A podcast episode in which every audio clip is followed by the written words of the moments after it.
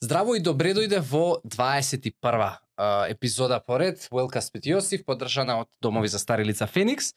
Денес, како и секогаш, имаме уникатна тема, уникатен гостин, односно гостинка по име Сонја, фармацевт по, по титула, но во секој случај нема да зборуваме многу за суплементи или не знам за таблети, како што направивме со Александра, ќе биде темата за козметика, за чаеви, за билки, за културата која што е се во поголем пораст и, и многу луѓе uh, сакаат да ја да ја консумираат и чаевите и самата култура и и нели цел тој процес на подготовка и на уживање во во тоа што го консумираат, така да уживај во овие некаде час а, и помалку или повеќе во овој разговор со нашата гостинка.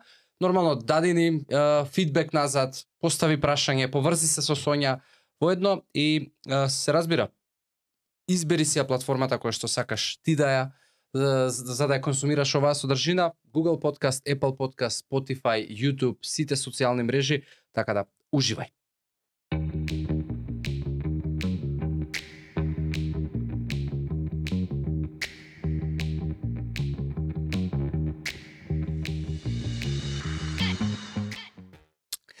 Сонја, добре дојде, еве официјално и фала ти што ја прифати поканата. Еве и да, да, да бидеш гостинка во оваа 21 епизода. Да, фала на поканата, добро најдов. И така со задоволство мислам дека ќе си го правиме во да. И јас и јас сум убеден во тоа. Убава енергија веќе има во, да. во студиово. А, традиционално секоја секоја епизода ја стартуваме а, со представување на нели на на соговорникот. Така да ја би те замолил да си земеш време колку и да ти треба, чисто да ни раскажеш која е Сонја, што прави, од каде инспирацијата за тоа што го да. прави, каде луѓето може да те најдат, што може да добијат од тебе, повели. Па Сонја е по професија фармацевт, како што и ме најави. Долго години работев јас во таа фармацевска струка, меѓутоа цело време ме влечеше нешто друго, нешто малце покреативно, поразлично од она што класичната фармација во моментот го нуди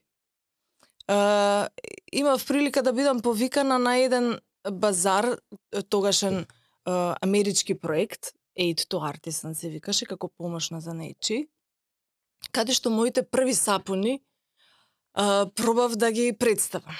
Практично не бе тоа само мои, заеднички ортак со кој што работиме. Mm -hmm. И викаме, ајде, ова што сме го направиле за себе, да видиме како ќе го прифати публиката дали дали ќе им се допадне, не. И тоа беа навистина првите почетоци. Прилично аматерски.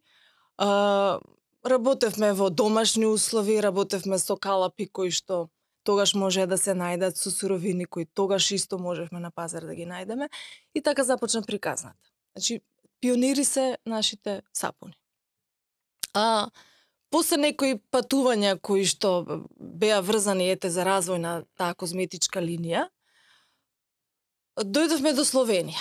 И во Словенија најдовме една преубава продавница која што во која што се продаваат чаеви и прибор за чај. И нас тоа толку многу не фасцинираше колку разноликост нуди таа продавница. Рековме, ајде да пробаме, да не останеме само на козметика. Бидејќи првично имавме едно мало продавниче во кое што таа козметика се продаваше, меѓутоа гледавме дека тоа не може да се живее условно речено. Значи не може тоа да не биде главната дејност. И така се вклучија чаевите во, во оваа приказна. Практично компатибилни се на она што ние го работиме, значи на оваа рачно работена козметика.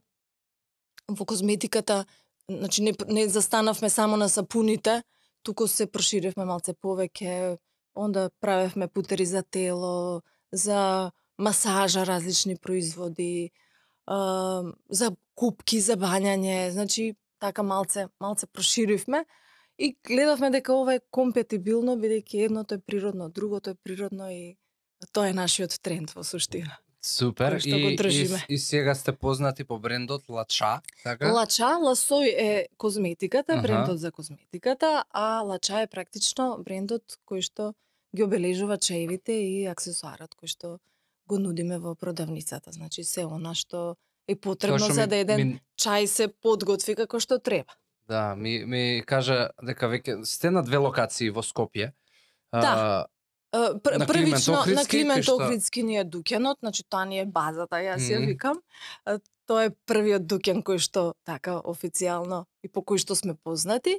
Е, Друго е Штанчево, Веро Джамбо, каде што ги имаме истите производи во суштина, меѓутоа Мгм. сепак тоа е штанд, ова е, Јасно. ова е дуќан. Ако човек сака да ве најде, да речеме од друг град, да, да справите достава по карго Да, сервиси? правиме, имаме веб страница по, по која што може да си Аха, нарачуваат. и онлайн да си порачуваат. Па онлайн да речеме, да, значи сите производи гледаме да ги имаме и на веб страницата и уредно ете да ја апдейтуваме да има постојано информации, новитети што за да Супер. за да може да не пратат.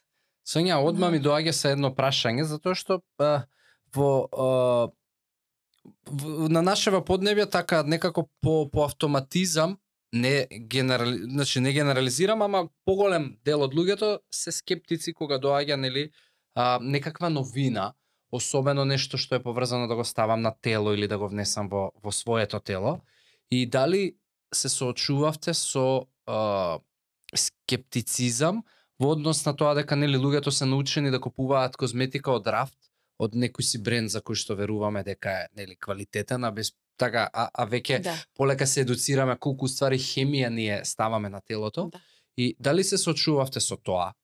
И и што е каде е разликата помеѓу козметиката што вие ја пласирате на пазарот и онаа што е, нели, што ја знаеме Да. како мејнстрим комерцијална козметика? А, почетоците, значи кога почнувавме да ги презентираме нашите производи на пазар, апсолутно дека се среќававме со тоа.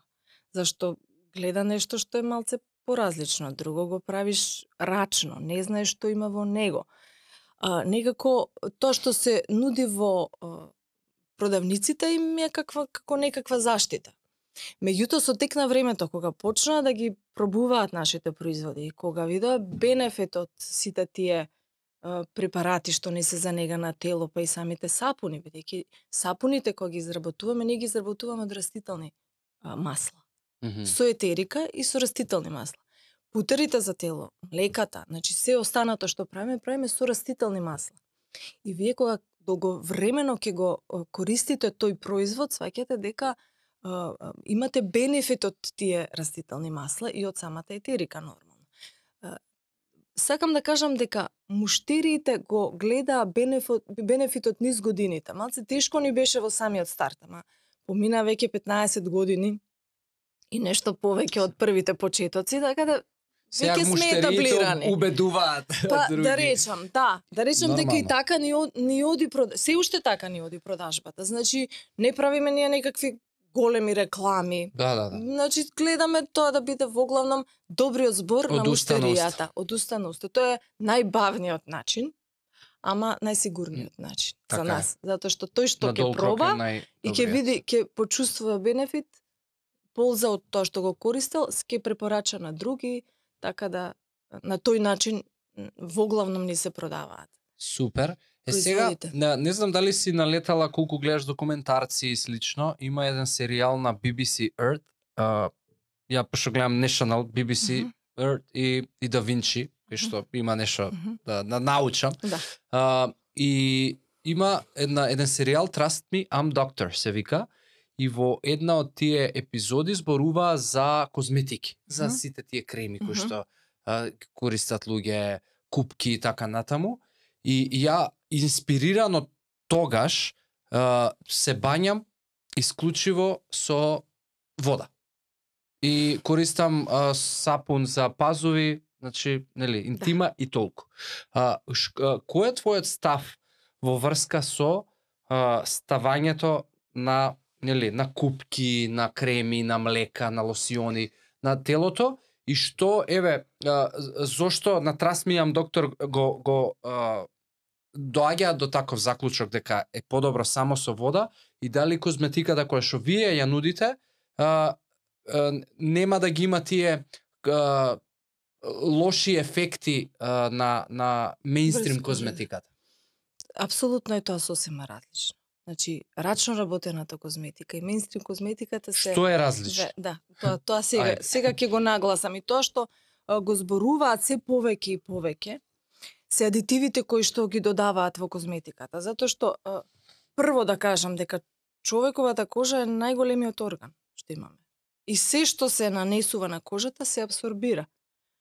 70-80% од тоа се абсорбира. Се рачунајте во текот на денот колку хемикалии се нанесуваат Вика, просечно околу 10 до 12 различни препарати користиме во текот на еден ден.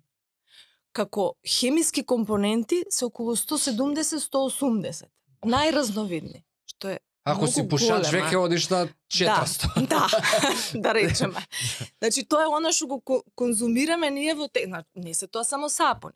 Тоа се и креми, тоа се и пудри, тоа значи се што нанесуваме на Дезодоранси, ролони, се, свашта. се што нанесуваме во текот на еден ден.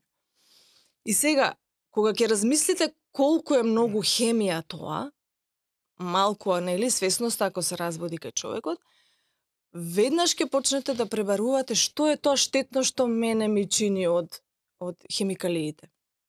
На прво место се парабените, значи тоа се конзерванси кои што во најголема мера се употребуваат за да се заштити еден производ. А понатаму се компоненти кои што служат за пенење, значи на создавање на обилна пена, што се употребува во шампоните, да речеме, во голема мера во сапуните. Така да, индустријскиот сапун е средство кое што пени, а нашиот сапун е средство природно направено кое што ги мие рацете. Ќе си и речеш ти ова ги расипано е одржува. нешто, нема пена. Да, да, оно, оно прави пена, ама прави пена од самите растителни масла. Јас. Значи, бидејќи секое масло дава одредена пенливост и одредена карактеристика на финалниот сапун. Така да ние ги комбинираме тие растителни масла и на тој начин ја добиваме убавата пенливост на, на сапунот. Шампони течни не правиме, затоа што тука мора да се додаде некоја. Ниту па правиме пенливи купки. Тоа на младите има многу криво, ќе дојдат и ќе речат каква ви е купката шумлива. Пени, не пени. Како не пени? Тоа им е А, а пен, Кадава, ќе- да.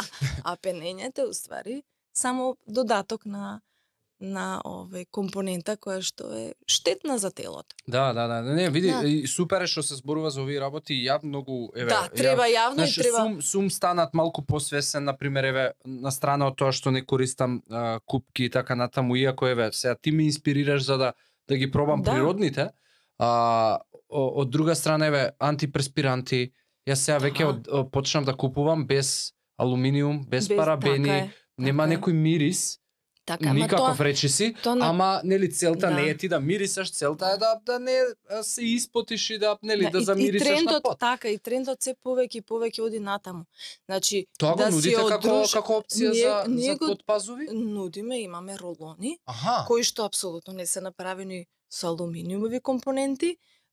Користиме сода, користиме алоe вера, користиме чајно дрво, како етерично масло, лаванда, кое што делува нели антисептично и смирувачки, значи природни компоненти кои што може да направат неутрализирање на потта. Значи ние не создаваме производ кој што ќе ги затне Мгм. порите под пазовите и кожата нема да дише, туку создаваме производ кој што одредено едно одредено време, ја секогаш прашувате «А колку држи, колку време, часа ли ова? да, колку време држи. Држи едно работно време ќе издржи. А Мм. Одиме повеќе на тоа да човекот е, навиките што ги има е да ја одржува хигиената на телото Така. со природни компоненти колку што е тоа можно. И да не повеќе. плати превисока цена не мирисајки, знаеш ти Да. а, 48 часа Да. а, маркетинг кампања за одреден продукт ќе ја платиш со на друг начин со внесување Така на е. многу химикали кои што Така на долг рок Да. ќе ја земат, ќе И- го земат и, и данок. најчесто тоа се ефтини компоненти. Значи, зборам за оваа хемиската индустрија, за тие производи кои што ги наоѓаме по маркети. Тоа се ефтини производи. Финално ефтини производи. Најголемиот процент што се плаќа е за маркетингот.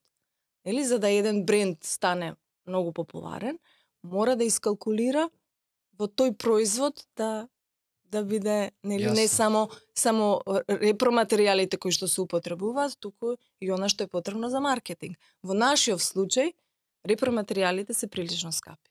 затоа што етеричните масла сами по себе се многу скапи. М. И тогаш кога ги може би и најскап елемент да речам во во Особено после после пандемија, инфлација. Да, да, да. да. маслата И се. самите самите масла и етеричните масла, значи ова што доаѓа од билките.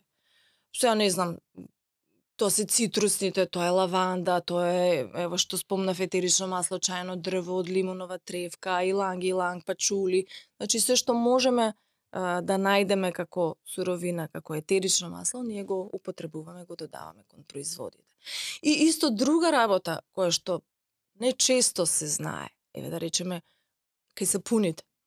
Сапунот кога се изработува рачно, во процесот на изработка вие го употребувате е, масла, базични масла, растителни, наразновидни, од кокосово, палмино, авокадо, значи што сте одлучиле да ставите како растително масло. Финалниот производ, кога ќе се добие, значи како готов сапун, содржи глицерин во себе. И тоа една петина е глицеринот како е, компонента која што се создава во процесот на сапунификација. Во хемиската индустрија, тој глицерин се изолира, ние нормално не можеме да го извадиме, али зборам сега во хемискиот процес, тој глицерин се вади и тогаш они што прават? Прават сапуни кои што се без глицерин, а други сапуни во кои што ви напоменуваат дека има присуство на глицерин. Мгм. Значи ќе додадат екстра глицерин и тогаш го про, го продава производот како да е со глицерин. И на тој начин му дава некаков бенефит. А у И суштина како човек ова да го знае? Па На мора етикета може да го прочита, тешко. нема да не, тешко.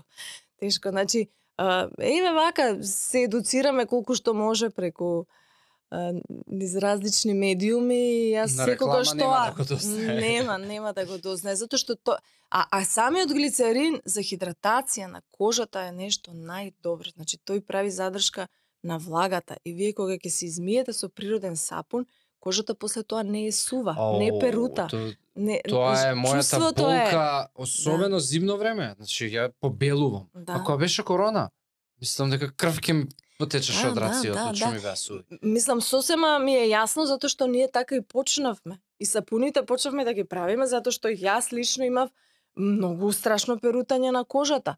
После имав малецко бебе на кое што видов дека чак и бебешките производи, мислам, тоа е многу тажно да се каже, дека бебешките производи кои што се по рафтовите масовно по, по маркетите, содржат компоненти кои што ги зат- затнуваат бебешките пори.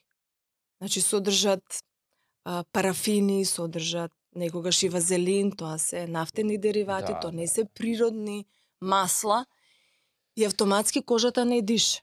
И на моето едногодишно дете се случи такво црвенило на кожата да јас не знаев просто што што да превземам, што да правам и така така почнавме со со низ за И Ја да препарати. ти кажам сезонски, а, на неколку пати као на две години ми се повторуваше, пошто рекреативно вежбам од 3 до 5 пати, 5 пати у неделата, тоест не од 3 до 5 пати. И, и пошто повеќе потењи имам, нели, во потоплите месеци, а, скоро преку една година ми се појавуваше како некои лишаи, осипи, знаеш, и, и често после бањање мене ме чеша кожата, Да. знаеш, и, и, и еве сега на пример ја не користам, можеби не ја сменив козметиката, туку ја исфрлива на хемиската и го немам тоа чувство.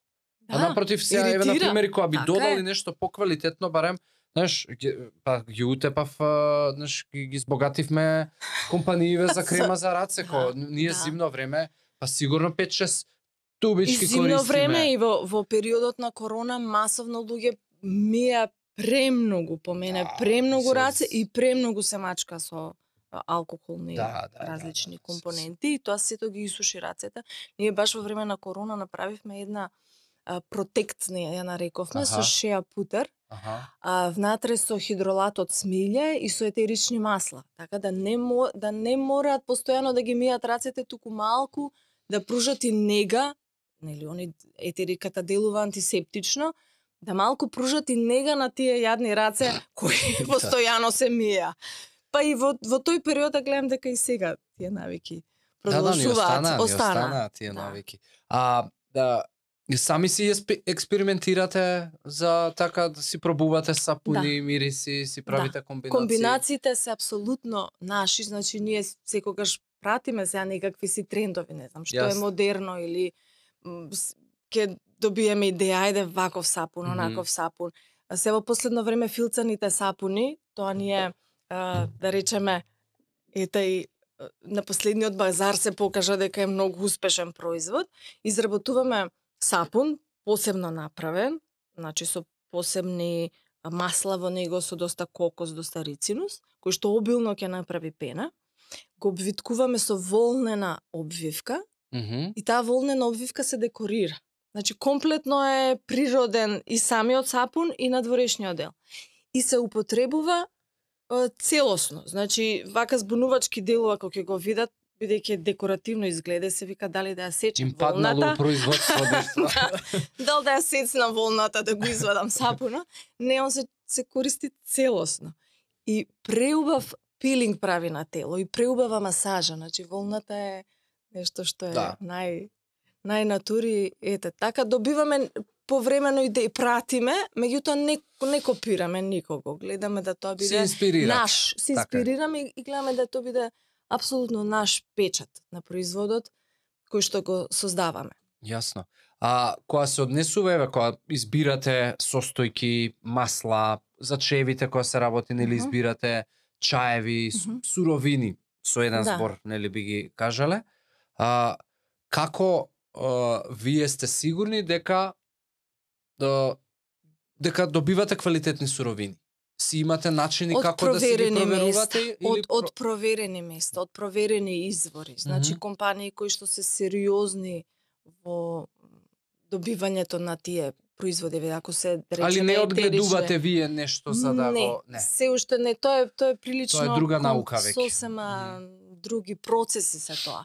Мислам, јас да можам да се поделам, може би и тоа би го правела, бидејќи убава е, добивањето на етериката е многу нешто на вистина е многу интересно, многу убаво, бидејќи ви од билки, од ливчиња, од еве од кора од портокал, нели? Тоа го- горниот дел портокалот кога го љупиме, Мгм. тоа е етериката што ни Така. останува на рацете.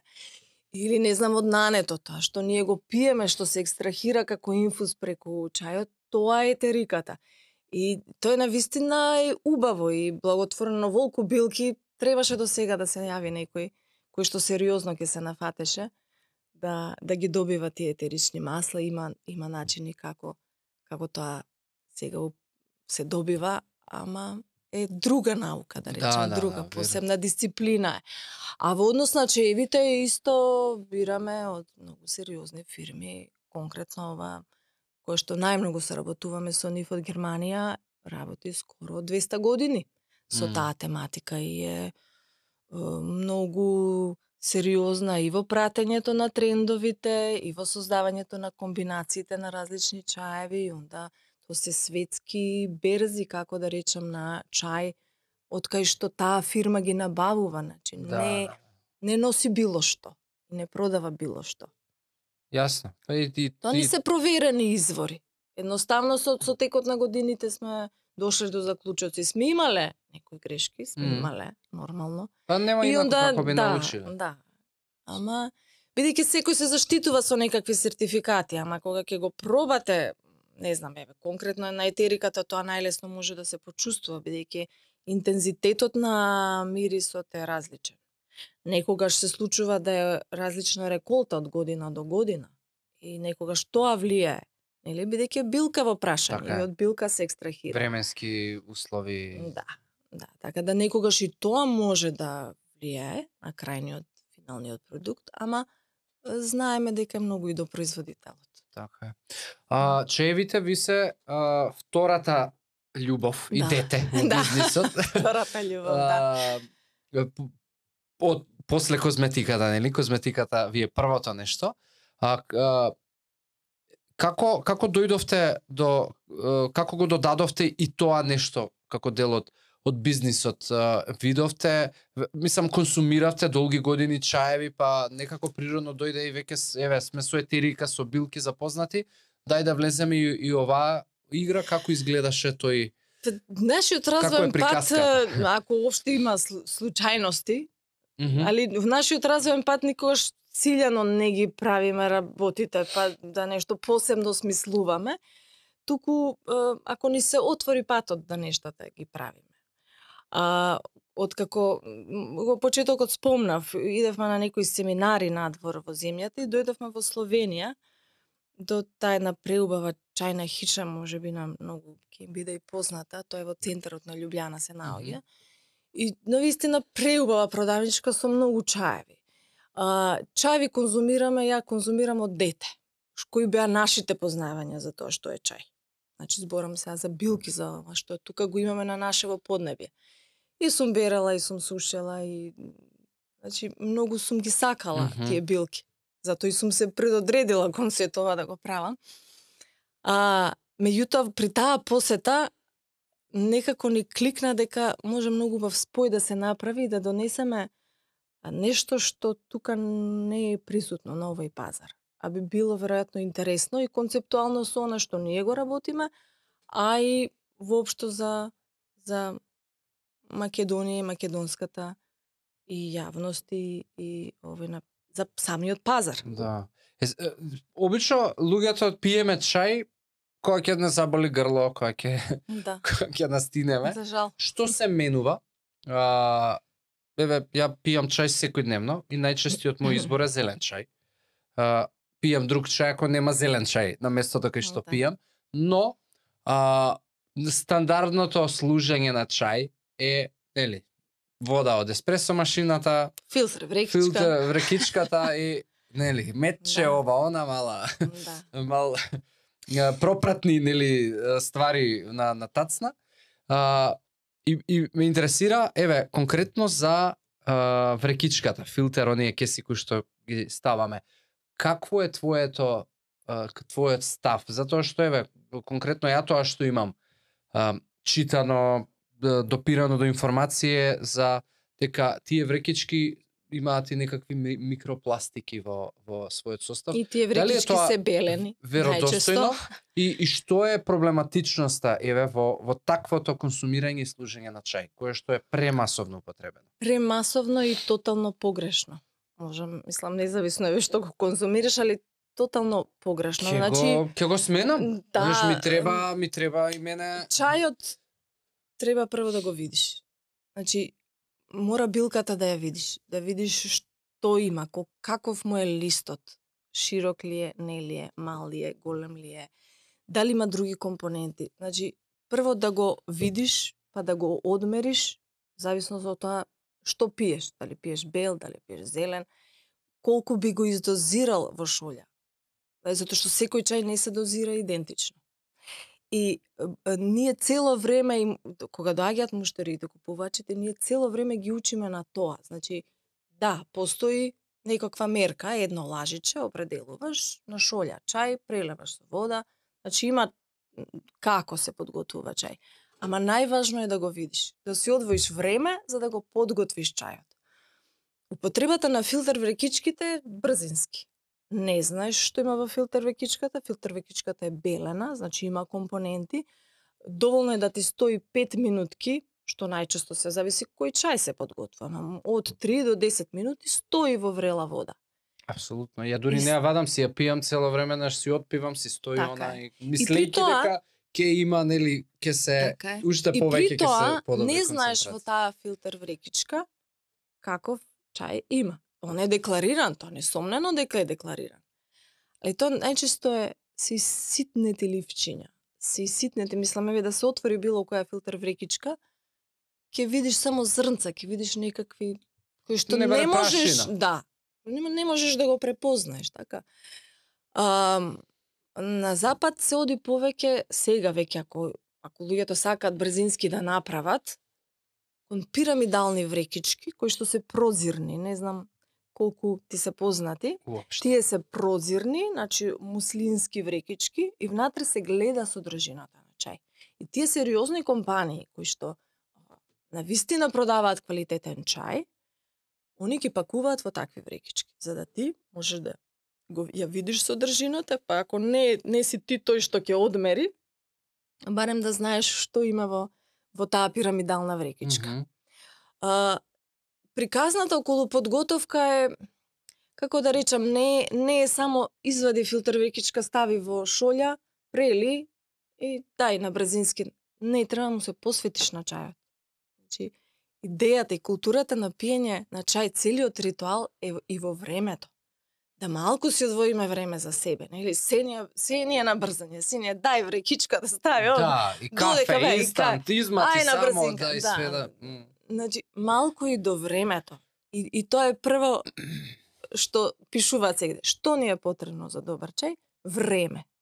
Затоа што ти во тоа време, прво ќе го видиш чајот, што сакам да направам, сакам денеска да направам зелен чај, пример, некој, избереш, одмериш толку колку што сакаш, на страна ја подготвуваш водата, за зелени, за бели особено треба време.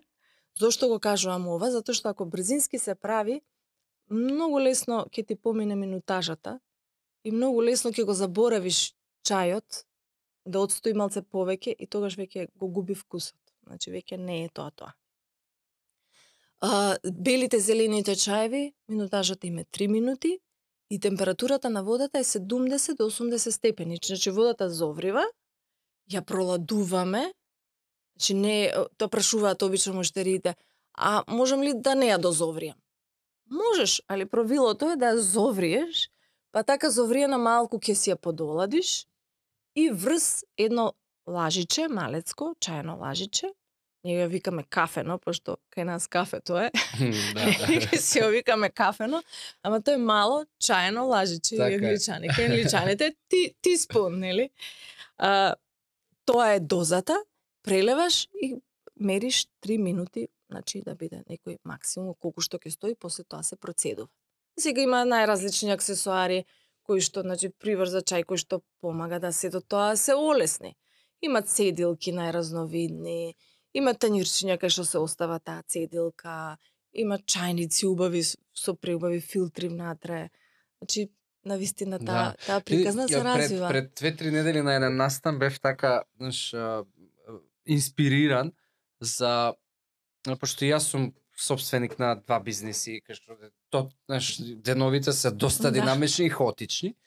Е, и, и изборуваше на човек за продуктивност. А, и, и изборуваше за тоа дека продуктивност е уметноста да а, бидеш присутен во тоа што го правиш во моментот. Така е. Изборуваше, ако си, не знам, ако сега правиш кафе, ако правиш чај, знаеш, прави го. Не, не го проаѓај ради реда, ради, знаеш, Биди и, тука со Ако си со, со, неко, со семејство на разговор, биди таму. Тоа е Така е. продуктивно поминато време, Така е. посветено време, нешто што се важи. Така да, што да, ќе го чекираш дека е така. си го направил. Инаку само си го Да. прошол. Ние во во работилница можам да кажам дека не е најпродуктивно времето. М. Таму таму целиот фокус кога, кога се прави сапун, не, не можеш една минутка да помислиш на значи ми звонел телефон, нека звони. Не, не може. Затоа што во самиот процес на на правење на изработка на сапунот, кога он ќе почне, кога ќе се спое со со базата и растителните масла и ќе почне да се мати. Значи точно мора во одредено време да се додаде како кога торта се прави од прилика. Да, да, да. Од прилика. То, броено е времето и тогаш мора да додажеш од сите компоненти, да знаеш како ќе го нашараш, ако го шараш, која боја, колку, значи се да е подготвено, затоа што он кога ќе реши да се стврднува, ти ништо после тоа не можеш да му правиш. И затоа викам, целиот фокус е, е во, во правењето. А, дали еве од практичен аспект зборуваме дека нели чајот се прави 3 минути го пиеш и, с- и толку. А, од практичен аспект дали може да направиш поголема количина на чај 2 литри на пример и да ти стои а, во фрижидер или на Може. некој начин да го чуваш за да не мора да го еве Да. така да не губам ја у денот Да. ако сакам на пример ако сакам да го сменам кафето со чај и при тоа користам зелен црн чај така натаму да не мора знаеш четири пати во денот да Може. да Значи, одговорот е да може. Меѓутоа, уживањето во топлиот напиток е друго, Така неколку во ладен напиток. Друго, Претоплување не е опција? М, па не. М, Не. Е, секогаш топлиот напиток е далеку поубав него Да, ладениот. Не значи да дека утре. од прилика. Да. Од Не прилика, тоа. нели? Или кога ќе ти се олади манџата, па иди јади ја. Не, не е тоа тоа. Ти секако можеш и, и права ти по литар и, да речеме, не знам, нема услови таму каде што работи или оди некаде и ќе направи еден литар и литарот го пие во текот на денот. Во суштина многу е поважно ти да го испиеш литарот во текот на денот, него ли ако немаш услови, него ли да сега чекаш па дал ќе имам, па нема да имам топла вода, не, не, Јасно. нели количината е многу поважна. И кога се работи за добар чај, доб, добро подготвен чај, многу е важно бербата, значи многу е важно листот каков е. И затоа ние на муштериите, особено странци кога ќе дојдат во дуќан, тоа е многу интересно за разлика од нашите луѓе, они влегуваат и прашуваат зелен чај имате? Имаме, да. Каков сакате? Па не знам каков бил. Дај, И сега почнуваш кинески, јапонски, кажуваш видови какви има, што има. Па се кој се разбира, има и многу што се разбира, значи тука опет нема. Странецот доаѓа и вика да го видам, Аха. сака да го види. И, и тоа ме е прво да го види дали ти е свеж листот. Можда ти си го донел од некаде, он нема да купи квалитетен чај. Он, значи, веќе визуелно знае да процени дали чајот што го продаваш е квалитетен или не. И тоа секој од нас во суштина кој е љубител на чај треба да го прави. И, и затоа е начинот на подготовка таков каков е. Значи да си одмериш количина, да го подготвиш, може и во чајник да биде апсолутно еден литар. Али таа етерика што се ослободува од зеленото ливче, ја пиеш само кога е топло, после кога ќе испари, веќе нема, не, не значи, значи останува во самиот Така чајот тоа што е што треба, остануваат антиоксидансите, кога збориме за зелен, за бел чај. Тоа се останува во самиот чај, али вкусот е многу поубав кога е кога е топол. И да речеме, а, аксесуарот што доаѓа од Кина, од Јапонија, тој без рачки. Зошто? Затоа што го зимаш, ја зимаш шолјата во оној момент кога можеш да го пиеш чајот. Го држиш со две раце и така го Аха. пиеш. Јасно. Да. Тогаш е Да. правото време за... Тогаш е правото време да се напиеш од тој чај. И, он, и они немаат воопшто немаат рачка. Тоа е добро, некои модерни дизајни да, али оние традиционални шолјици нивни немаат рачка. И вие би ги Имаат- продавате. Да. така. Нормално. А дали постои, а, еве, не знам, а, филозофија во врска со водата? Сигурно постои. А, Да. колку треба да биде загреана водата? Треба да биде зовриена, треба да биде пред зовривање, која е Да, за, за белиот и зелениот чај тие се најсензитивни затоа што кога а, тие сите се добиваат од една грмушка, можда и тоа е фино да да еве вака го подискутираме затоа што кој што кажав ја кога отидов во Словенија мислев билки и чај се она што ние тука го пиеме. Ствари секаде во светот чај е само она што се добива од чајната грмушка. Тоа е белиот, зелениот, улонг, црниот чај Мгм. значи неколку групи на чај, жолтиот. Значи тоа е све од една грмушка, различен е начинот само како листот се обработува. Дали веднаш ќе се набере па ќе се исуши, дали се остава малку да свене, значи малку да се обработи, па после тоа се суши или се остава да ферментира комплетно како што е за црниот чај. Значи тоа е истото растение. Се исто. Аха, ај, Да. ја Да, тоа е се исто растение. И, и кога збориме за чај, збориме само за, за, за таа билка. И секаде во светот, ти, кога ќе се рече ти, се знае дека е тоа таа билка. Се дали он ќе пие, не знам, Дарджелинг или дал ќе пие English breakfast или дал ќе пие Earl Grey или Јокуро или Сенча, Банча. Значи, тоа е веќе друга приказна. Значи, дали ќе се ориентира на пиење зелен или црн чај, тоа е друга Ali кога ќе рече ти, он сака од чајната грмушка нешто. Да. А се останато го викаат тисеин. Нешто Аха. што не е чај. Нешто што го пиеме како инфуз, а не е чај. Тоа како нешто дај ми напиток од липа А, или, е, или така. дај ми чај. Тоа се различни. Е така, така, да. А кај нас се уште нема таква терминологија, мислам. Да, да. Ја нема. ова ова стално го зборувам затоа што е како да речем, тоа се факти, тоа не сум го измислила јас, тоа и, и во Бугарија и во Русија да, да одите, они имаат свој назив за нешто Ја што дури не е чај. би друг збор би измислил, пошто чај некако знаеш има и Да. чајна кубасица што е како Да глупост. Речеме, да. Али Се овој-. А, Што знам инфузи, јас ги викам инф, инфузи, тоа ми е некако најблиско се, колку луѓето го користат тој термин, тоа е друга работа. Ама еве да да им биде јасно дека секаде во светот тоа е така, не е тоа дека еве сега Сонја од Лача збори дека е Мм. тоа така, тоа е секаде во светот така. И и затоа викам а, односот кон чајот е првично кон чајната грмушка.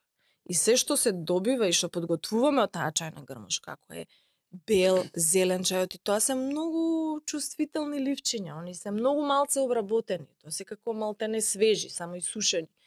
И се ти ако го попариш со врела вода, тој ќе го изгориш листот. Добива една горчина, неубава, го уништуваш листот. И затоа они викаат, ако правиш таков чај, високо квалитетен особено, водата треба да е провриена, 100 степени, ќе ја ставиш во бокал, друг, значи во друг сад, каде што таа врелина ќе излезе. Прашуваат обично е колку е сега тоа 70, 80 степени, нели? Како да знаат? Тоа е или едно 5 минути на страна, врелината да излезе. И тоа веќе температурата е спуштена сосема доволно, за да може да се прелие тоа кафено, односно чајно лажиче што сме го одмериле. И одстојува до 3 минути. 3 минути е за сите овај од таа група. Значи за сите чаеви. И дали е белиот, зелениот, пит црниот, 3 до 5 минути максимум некој се ако сака малце поинтензивен да му биде напитокот. Така. Е се Сонја, има еве а, имаше порано и на телевизија Баба Рада со нели со чај за ова, чај за она да. и така натаму. А, и често ние луѓето ја тоа го правам. А, нели кога имаш болки у стомак, Мгм, написе а, Нане. топол напиток од нане. а, не знам ако имаш а, вознемиреност и така натаму од а, маточина и слично. А, дали дали а, е вистина дека нели постојат а, напитоци, билки, чаеви кои што таргетираат одредени состојби, подобруваат одредени состојби, доаѓаат ли луѓе кај вас кои што а, зборуваат за тоа е ова и ова ми се случува, што би ми препорачале?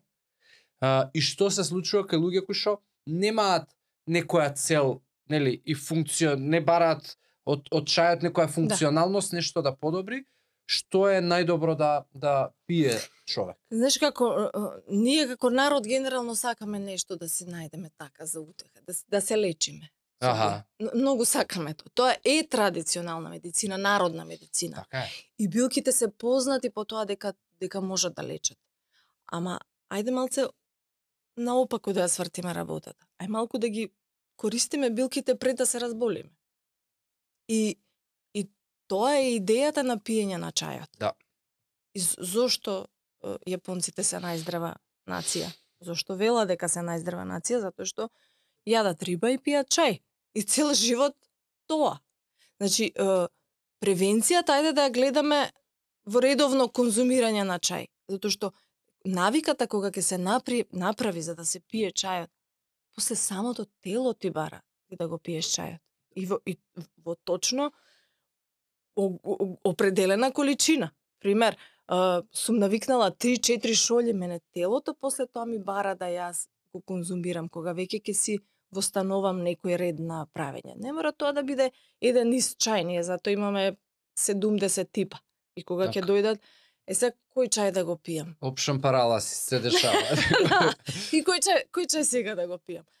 Значи направи си, не знам, од сабајле, почи си со црн чај, па помини на зелен чај. Црните зелените имаат кофеин во себе. Мислам, Мм. се што доаѓа од теасинензис, од чајната грмушка, има кофеин во себе. И ние викаме до 5, до 6, пи го тој чај. Значи, прочисти го организмот. Има многу антиоксиданси во себе. Прочисти го организмот до 5-6. Написе 3 шолји, написе 4 шолји. А навечер помини кон другите билки. Сакаш да земи маточина, сакаш да земи, не знам, ројбосите се исто многу популарни. Тоа е од Јужна Африка билка, која што е исто многу моќна, многу богата со антиоксиданци, а нема во себе кофеин. И е нешто што може да, да го пијат и деца и повозрасна популација, а може да се пие и навечер. И онда такви ни се советите да едноставно луѓето се навикнат да ги пијат чаевите пред да станат болни. М. Што кога ќе се разболат, да, ќе таргетираме, ќе ме дај нешто да ме препоти. М. Дај грлото ме боли, дај нешто, имаш ли ѓумбир, имаш, има. Дај да ѓумбир. Помагаме, не, значи не викам не. Ако дојдат, не знам, има кијавици, па имаме некакви билни мешавини кои што предпоставуваме дека може да делуваат. Да речеме, доста и со несоница имаат луѓето проблем. Па онда за несоницата помагаме со мешавини што содржат на трематочина, нане, имаме еден со лаванда, на пример, Мгм. што колку толку смирувачки ќе делува и ќе овозможи да, ете, навечер, во подоцнежните часови, барем се успокои колку толку. А дали е, е, да речеме исто а, практично и вистинито, на пример етерични масла да ги користиш во не знам да на да еве во сауна, во а, можеби во просторија одредена да на некој начин да дозволиш да испаруваат. Дали Да. таков ефект? Да, апсолутно. А, Апсолутно, ароматерапијата е многу моќна работа. Е, И Тоа е а, зборот. е, само што е многу важно и како ќе се употребува. А, етеричните масла не дозволуваат ни прекумерно да ги користите. Значи, они кога се работи са, не знам, за правење купки, ако комбинираш две до три масла, етерични масла, велат ставај од ова три капки, од ова две капки, значи да не надминеш ти сега цела каде да ја направиш Да. со етерика. Значи, Колку тогаш е повеќе фе- поздраво. по- по- да, да, значи стави. не.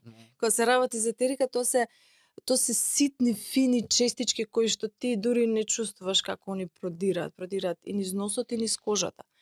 И се ресорбираат нормално веднаш и преку циркулацијата си го постигнуваат својот ефект. И секое етерично масло има некакво свое својство. И точно е тоа дека етериката може да помогне, може дури да се направи нели тие арома лампи што се употребуваат за просторија. Не е тоа само за освежување на просторијата, туку да ти тоа го инхалираш во текот на денот.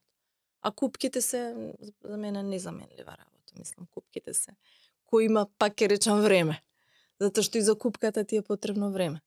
И да напуниш кадата и да одлежиш убаво во Треба неа едно десет. продуктивност. За тоа. А, Да, Сонја, така. еве за човек кој што е како мене. Се, ја горе, знаеш, пак имам некакви информации, едукација 2%.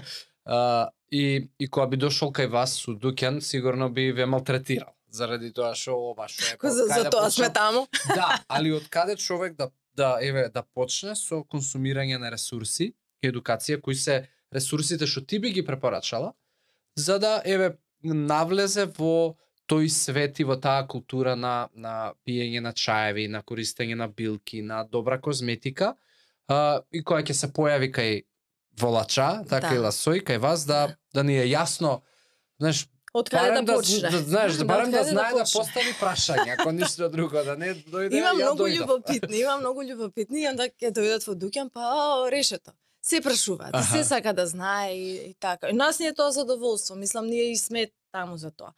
А, многу текстови кои што и сами сме ги составувале и сме наоѓале интересни текстови, сме преведувале се наоѓаат и на нашата веб страница. И секогаш викам одете, посетете, ја видете, има навистина многу Како се вика веб страницата? а, lasoi.com.mk се Океј. вика страницата. И посебно се из- издвоени чаевите, посебно природно приборот, посебно козметиката. Е, Јас знам дека е може би се последно време луѓето сакаат на брзинка информација да добие. И И Од прва рака. Да. од прва рака ако може на брзинка. Таму се обширни текстови, али вреди човек да ги прочита. И вреди да знае ве се отприлика ова сето тоа што го збориме. И за сапунот како е, како како го изработуваме, како е направен, што содржи, и за чајот, и за и за зелениот чај, што содржи во својот состав, дека има многу активни компоненти. Има а, компонента една аминокиселина која што делува смирувачки на мозокот. Значи, предизвикува создавање на стимулира создавање на алфа мозочни бранови. Тоа се бранови кои што ти возможуваат да си концентриран, а да си смирен истовремено. Мгм. Значи да не да не те возбудува. Така практично и го имаат откриено чајот своевремено пред 5000 години. А, го користеле при медитации. Значи виделе дека дека многу помага смирувачки делува и така почнале да го потребуваат. Сакам да кажам, ние даваме многу насоки, али гледаме и да препорачуваме да се одиете на веб страницата ние нашето како да кажам портфолио за се што работиме и за за секој производ поодделно може да најде. Дури за секој чај поодделно имаме напишано детално. Не само во однос на составот, туку во однос на ефектите, во однос на потекло, во однос се се она што што би требало да се знае во однос на подготовката. А ние сме тука секогаш во позадина, ако не е нешто нејасно. Гледам дека дека младите особено, бидејќи нонстоп се по социјални мрежи, и младите веќе тоа го применуваат. Дури ќе дојде со телефон и ќе рече ова, прочитав, видов, тоа има тоа и тоа. Дај ми го. Ова, ова го сакам, да. Каде за кај нив е полесно. А кај повозрастните бара малце повеќе. Јасно. Приказно. Која која е твојата рутина еве? Со како изгледа рутината на консумација на чаеви у секојдневието? Па како што спомнав пред малку, Мгм. се, се со црниот чај. Ја многу сакам утрото да си го почнам со црниот чај. Не кажувам дека кафе не пијам, пијам. А, и кафето гледам да ми биде убаво, вкусно. Дали може да те Значи, вознемири ако си вознемирен на кафе, да те вознемири и чајот? Ради кофеинот.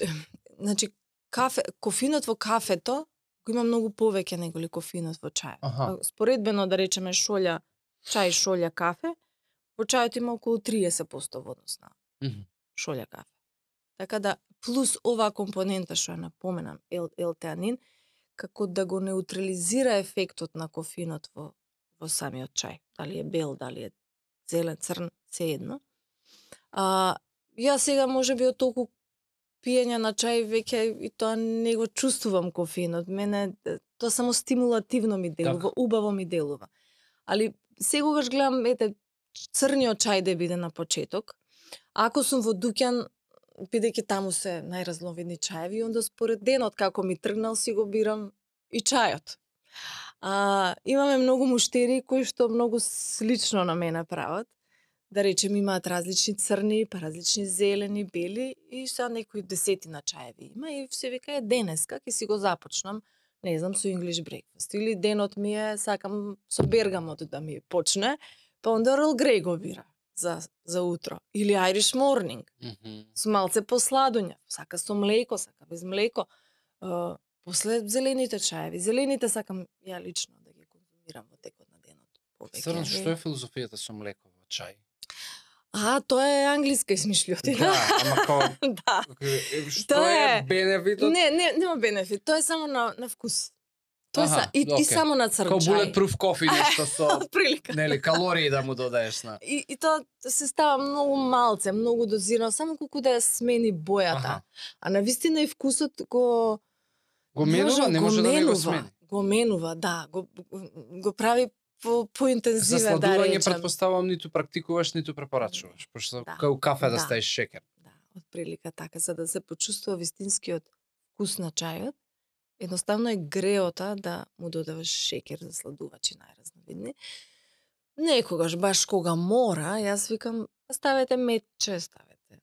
Значи нешто барем што е ете корисно како за сладувач. Може да се додава се од после кога ќе се направи чајот, па прашуваат, а лимун може ли?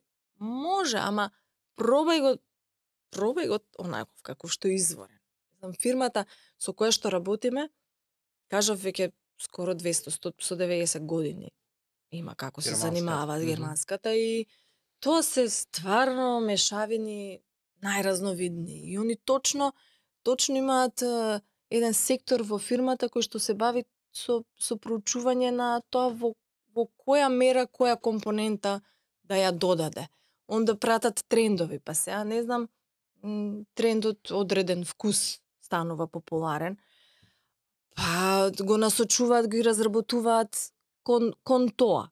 А, затоа викам греот е тие вкусови да да не се пробаат. Ние во таа фирма сме биле неколку пати и стварно е доживување да се види кои они ќе се ќе распостават вака различни чаеви. Па права дегустација, па за секој чај ти објаснува. Па ти имаш да го видиш и ливчето какво му е, подготвуваат и готов напиток, да ти го дегустираш, па ти објаснува како треба да го дегустираш и тоа е стварно вака е Да се интересно. возбудиш. Да, да, да. И, и после, не знам, десетина вкусени чаја веќе се презаситуваш, не знаеш дали ќе примиш нови вкусови, дали ќе можеш да разграничиш од она предходното, дали Да. интересно е, стварно е интересно. Браво. Сунја, во е, има ли места, локали во Скопје кај што еве може човек да ужива во добар чај Да. или не? Има, има. Кои има. се? Во, во почетокот ние ги молевме локалите. Аха.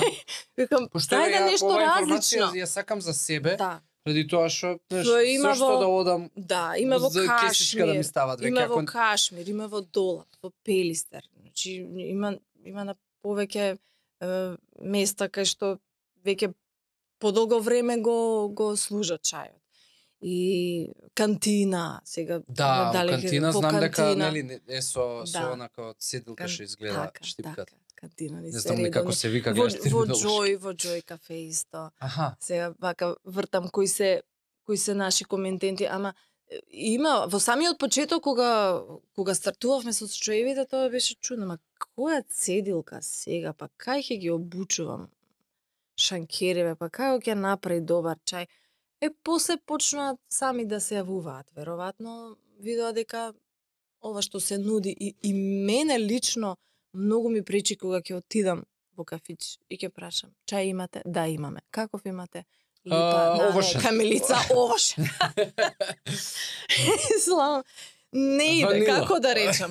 Се, се отвараме, особено сега шетаме, одиме, нели, пробуваш на нови ме, као со храната. Пробуваш Да. различни вкуси, сакаш кога ќе доеш дај тука. црн сок, дај да. сок каков има црн. Да, да. И, и кога више почнуваме со нови вкусови, зашто да ги нема? Мислам, не е филозофија да се направи.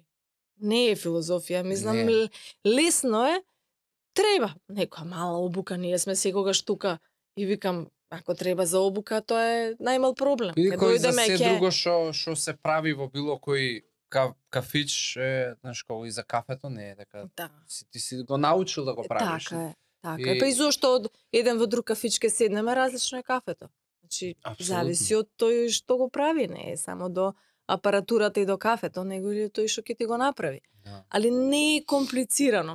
На вистина сега има најразновиден прибор, има шолје, онда има дури и филтерчиња имаат направени не белени филтерчиња, Мгм. во кои што можеш да ставиш едно лажиче ќе одмериш, ставиш во нив, ставаш филтер, го прелеваш. Значи тоа ти е она нај Мгм. најбрзински ако сакаш да го направиш. Постои таква опција. Али ние најгл- најчесто гледаме да тоа оди со цедилки и така ги обучуваме луѓето со цедилка. Баш ради се она што го спомнав. Да си одви време, да отвори цедилката, да стави количина и се понатаму што следи Прелие. прелие, да водата, да, да биде присутен. И тие три минути да биде присутен. Дури кога во Јапонија се прави, не знам, некогаш, овај, дали си имал прилика да видиш церемонијата на подготовка. Не. Чано Ю е церемонија на подготовка на мача чај. Тоа е врвот на зелениот чај. Значи, тоа е најфиниот чај во прав, кој што е најскап воедно Аха а, ние го имаме во во асортиманот и се повеќе интересно што се повеќе и повеќе го барат. Ако е скап, кога ќе се напиеш една шолја мача, како да си се направил 10 зелени чаја. Толку е мокен, толку е а, богат со антиоксиданци, а, енергија дава голема и се повеќе и повеќе станува интересен. А, оригинално се подготвува во таа чајна церемонија, али таа тоа е церемонија која што трае многу долго. минимум пола сат трае. И во таа не само што си има однос кон самиот чај, си има однос кон зделата во која што се подготвува, кон лажичето со кое што се одмерува. Мгм.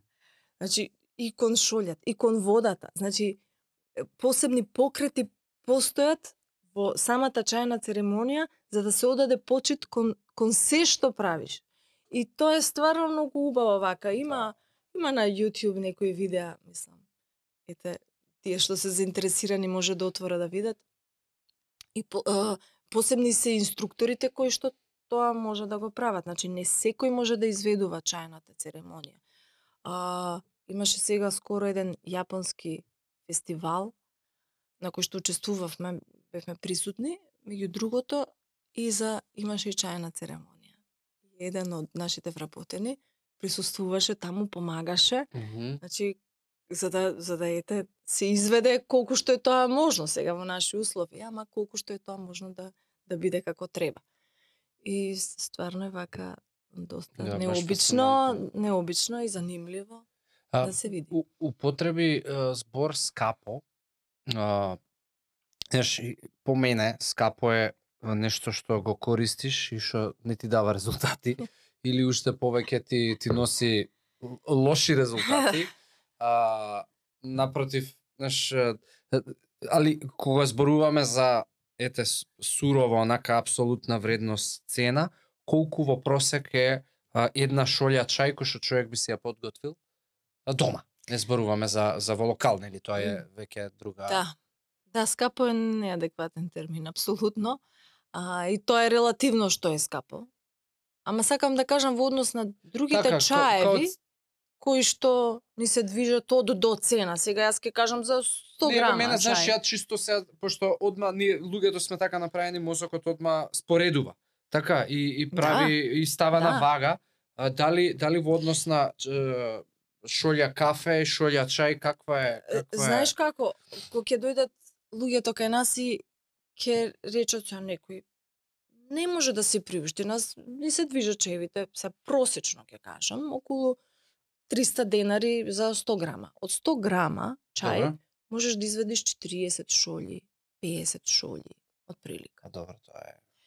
И сега на некого тоа му изгледа многу кога ќе Да, му речеш пошто у 300 маркет кесички ќе купи Да.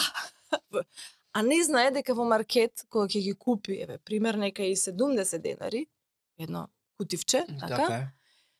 во он купува 30 до 40 грама. И он, он истите пари ќе ги даде. А јас го прашувам, а колку плаќаш Кока-кола? Колку, колку плаќаш за еден литар Кока-кола? Така да ти, ако израчунаш за, за една шолја, тебе не ти е 5 денари, 10 денари, колку ќе ти биде? Да, тоа е Значи, дури смешно. дури смешно. Збориме за високо квалитетни чаеви. Значи не зборам не зборам за било што сега има и што се одделуваат, што се на повисоко ниво, што се посебно одгледувани, што се посебно берени, а, тие се дупло поскапи, тродупло поскапи, ама луѓето издвојуваат и за нив пари. Он кога кога знае што пие, он кога знае дека дека му нудиш квалитет вистински, тој што може да си приушти ги дава тие пари. Затоа Така е. викам мачата е можеби на цена и за нашиот еве стандард е можеби поскапа, меѓутоа тој што знае дека мачата еднаш ќе ќе се напие во текот на денот и дека ќе го држи буден и, и дека ќе му даде многу антиоксиданси, он ја пие. И ќе издвои од својот буџет колку што треба за да ја пие континуирано.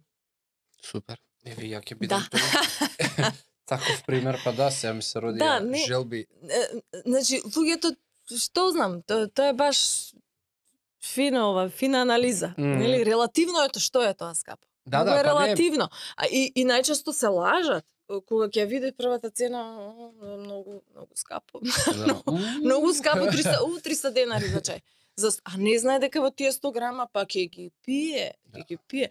А да не зборам дека белиот чај, да речеме, тие што се пофините чаеви, може уште еднаш тоа што сме го направиле, значи уште да еднаш може да се вкусот нема да биде идентичен, малце подолго треба да остои, ама он се уште пушта од а, а, од убавите компоненти. Мгм. значи од катехините, од тие што се антиоксиданси, се уште се уште пушта. Значи пак зборам да кога е чајот високо квалитетен. И, и тоа е многу важно. Значи кога се пие зелен чај, тоа дефинитивно треба да се знае. Дека а, не е исто дали ќе ја пиеш првата берба, третата берба или ентата берба. Тоа што првите неколку берби одат рачно се собира ливчето. Они го викаат two leaves and a bud. Мгм. Значи тоа што е врвните три ливчиња, тие ги собираат. Па втората берба оди понатаму. До неколку берби има во пролет и после тоа поминува комбајн и собира се останато. тоа оди у кесички. Тоа, А? за жал, за жал тоа е Да. така.